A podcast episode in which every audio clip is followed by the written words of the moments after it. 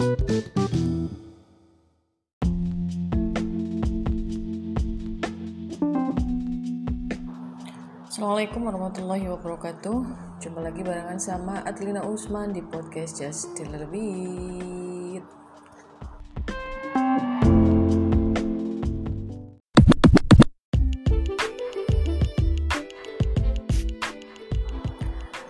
Seluruh doa terbaik uh, untuk kawan-kawan semua mahasiswa Baik yang ikut perkuliahan saya maupun yang tidak Semuanya seluruh mahasiswa Fakultas Usuluddin, Program Studi Tasawuf dan Psikoterapi IAIN Kudus mudah-mudahan selalu dalam keadaan sehat walafiat dan berkah rahmat Allah melimpah bagi teman-teman semuanya. Amin. Pada kesempatan kali ini, saya ingin mencoba melanjutkan perbincangan kita tentang cyber sufism di minggu yang lalu. Untuk hari ini topik kita adalah perilaku keagamaan masyarakat pengguna internet.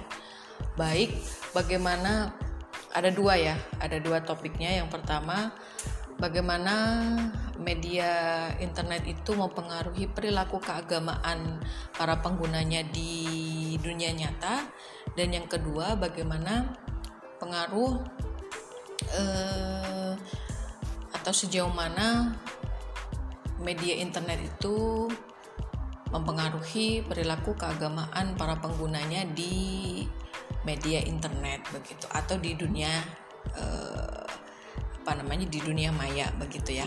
Nah, sebenarnya saya ada dua artikel untuk membahas eh, perbincangan kita kali ini. Yang pertama nanti saya kirim melalui bisa WA, bisa Google Classroom. Dan yang akan jadi eh, yang akan saya jadikan sebagai sebuah referensi ini ada satu artikel dari M Hatta yang saya ambil dari salah satu jurnal yakni jurnal kajian dakwah dan kemasyarakatan dengan judul media sosial sebagai sumber keberagamaan alternatif remaja dalam fenomena cyber religion. Dan yang menarik adalah Penulis di artikel ini menggunakan kata cyber religion untuk mm, apa namanya mengkaji sebuah uh, keagamaan yang ada di dunia maya begitu. Dan menurut penuturan apa namanya penulisnya istilah cyber religion ini disengaja dipilih oleh penulis dengan mempertimbangkan karena pengertian tersebut itu memiliki definisi yang lebih umum dibanding dengan istilah Islam digital atau religion online begitu katanya.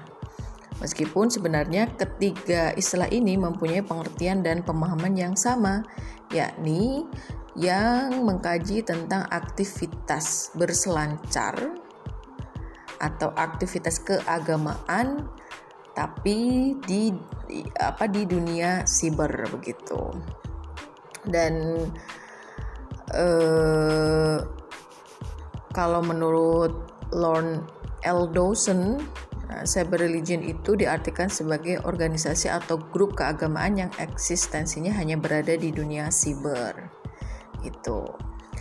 Nah perbandingannya kalau dibandingkan dengan cyber sufism ya hampir sama ya. Tapi kalau cyber religion itu lingkupnya sangat umum karena dia menggunakan kata religion yang artinya semua agama bisa masuk di situ.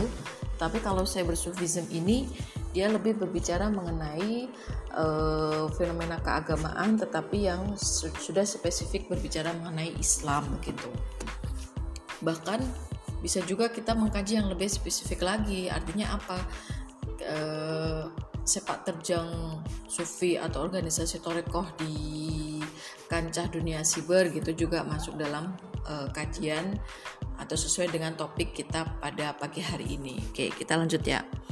Dan dari artikel ini itu kita bisa mendapatkan sebuah fakta bahwa ada beberapa yang disinggung di sini. Yang pertama, eh, betapa masyarakat kita saat ini itu memiliki ketergantungan yang sangat signifikan pada media, utamanya media sosial begitu. Di artikel tersebut juga diungkap beberapa data statistik yang menjelaskan uh, semakin tahun semakin mengalami peningkatan. Oke. Okay. Kalau di sini YouTube itu menempati peringkat yang tertinggi, tapi ini data statistik diambil pada tahun 2018 ya. Jadi di sini dikatakan YouTube itu menjadi uh, media sosial yang paling aktif diakses oleh pengguna media sosial di Indonesia gitu. Terus menjadikan media sosial sebagai tempat untuk mencari sesuatu termasuk untuk menyerap berbagai macam pengetahuan keagamaan begitu. Karena beberapa pengguna internet mengaku bahwa cara-cara yang seperti ini itu relatif lebih uh, mudah untuk diakses dan uh, apa namanya figur-figur uh, tertentu yang menjadi favorit di beberapa media sosial itu dianggap memiliki daya tarik sendiri dalam hal misalnya penyampaian yang dianggap uh, apa yang mereka sampaikan itu misalnya di sini disampaikan kata-katanya lebih mudah dimengerti, penyampaiannya juga enak karena gaya ceramah yang seperti apa namanya mengandung entertain itu jauh lebih banyak dipilih begitu.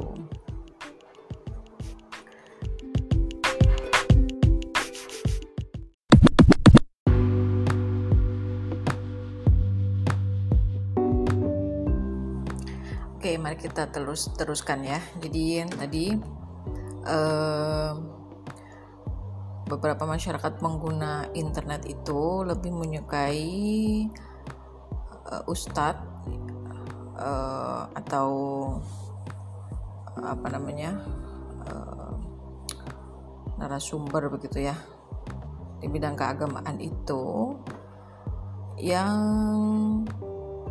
lebih memilih pada penceramah muda dan yang berilmu dan juga dengan menggunakan cara penyampaian yang santun dan mudah dicerna.